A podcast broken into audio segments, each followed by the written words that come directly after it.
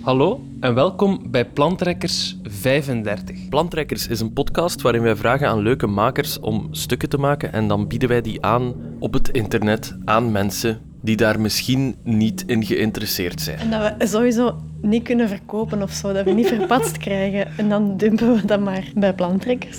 Dat was de zoetgevoelige stem van Joyce de Bad. En Joyce, we hebben een stuk gemaakt op basis van een interview. Dat was een stuk dat ik voor de krant had gemaakt over vrouwvriendelijke of feministische porno. En ik heb daar een hele dag doorgebracht op die pornoset. Wie was de pornoregisseuse en wie was het talent? Erika Lust, en dat is een heel bekende feministische pornoproducer. Ze werkt met alternatieve pornosterren. En dat was dit keer Carolina Abril. Ik heb het even opgezocht en de film heette Ibiza Splash Crush.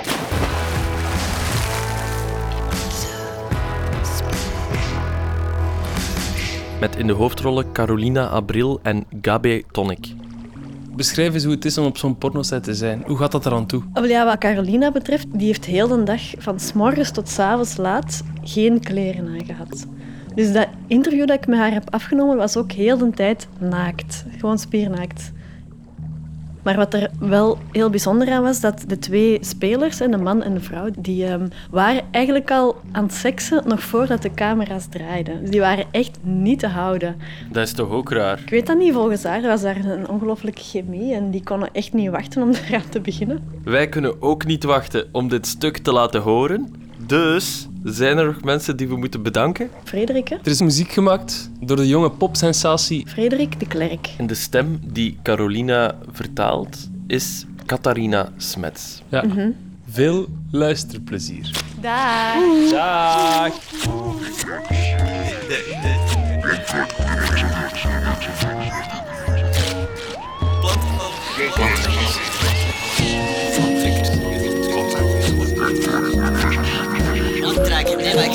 How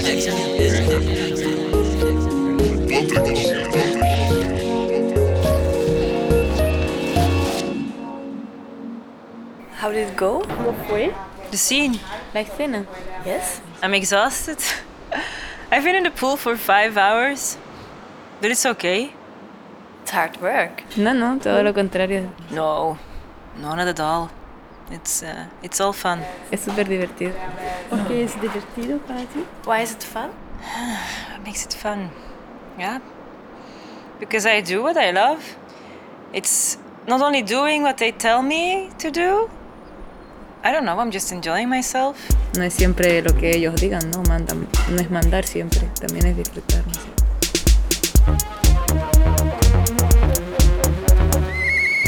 Today's script is about a guy that is having a pool party in Ibiza and starts drowning.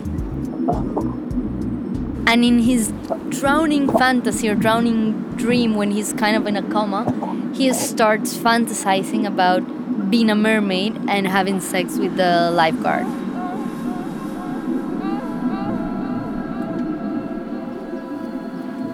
and suddenly you see this Baywatch girl from the 90s, and suddenly she's on this big swan floating around, and suddenly she's on a donut eating a donut, and then she's under the water, and you know it it's it's um, the idea with with with this short film is to create a, a, a, a crazy erotic fantasy.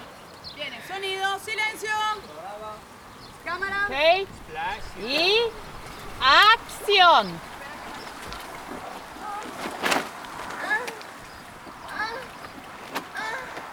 Why do you love it so much?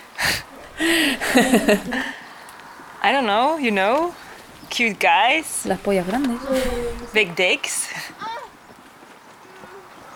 When did you start? ¿Cuándo empecé el porno? You mean start doing porn? Yes. Um, Cuando me hice mayor de edad. Since I turned 18. Tengo 22 años, el mes que viene cumplo 23. I'm almost 23. It will be five years that I'm in porn. One day I was watching porn Masturbando en mi casa. and all I wanted was to be the girl in the video. So I searched the internet. I want to do porn. Yeah, so here I am. And how many videos have you made so far? I don't really counted them. Let me think. Every month, about 20 videos for five years now. I don't know, 2,000? 3,000 guys? And is there a difference between working with this director or with the others? Or you mean the difference between private sex or for work? Pues solamente el ángulo de la cámara, creo. That's just the angle of the camera. No, no, I mean, what's the difference between working for Erica as a feminist director and directors from mainstream porn? Ah, Ah, pues es la primera vez que veo tantos chochos juntos. well, it's the first time I see so many pussies at the set. No es normal esto de que haya tantos chochos. Normalmente suele eso, ¿no? Se- ser hombres, ¿no? A lo mejor hay una chica y solamente es la que maquilla. no hay más. So sometimes there's a woman, but only to do my makeup. When I came here and saw these pussies, I thought, what's this? Madre mía. An all girl gangbang? Gambang de mujeres. Pero no, solo fui yo. I just fuck, nothing more. But it was fun, I guess.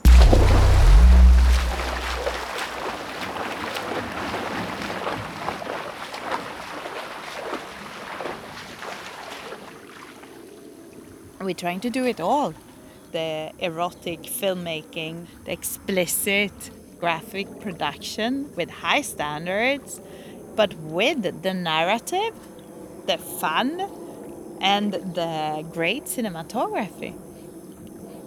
Even if it's just a short film, it's important to create the characters, to think about them. Who are they? In what kind of situation are they? Why are they attracted to each other? What is the context? How can we make it more beautiful? How can we create an ambient that is erotic, sexy, interesting, inspiring?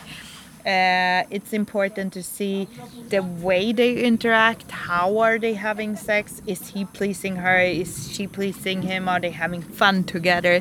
I want to see the enjoyment of it. Yeah.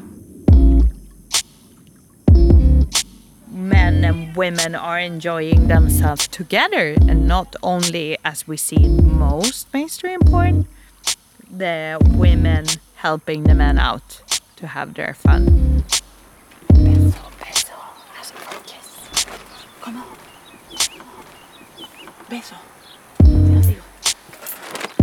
Espera, espera, espera. No, no, no, no.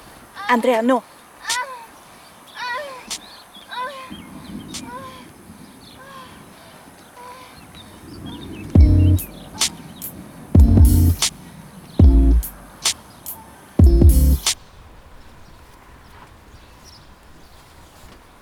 Antes de hacer el casting para la península, yo le pedí permiso a mi madre. I asked my mom permission to do the casting. Le dije, mami, ¿puedo ser actriz porno? Y me respondió, si es lo que tú quieres hacer. Mom, can I be a porn star? And she said, Of course, do whatever you like. And I said, Okay then, so shoot some nude pictures of me. Pues venga, sácame foto desnuda. And so she did. Y se la enviamos al director. So, your mother took the pictures. Me dio permiso y me sacó la foto. ¿Qué especial? Es mi mejor amiga. She's my best friend. Con 12 años le dije, mamá, mamá, acabo de follar por primera vez. When I was 12, I told my mother, Mommy, Mommy, I just fucked a boy. Y su reacción fue, Was it good? ¿y con quién? ¿Y cómo tenía la polla? Oh, she's so much fun.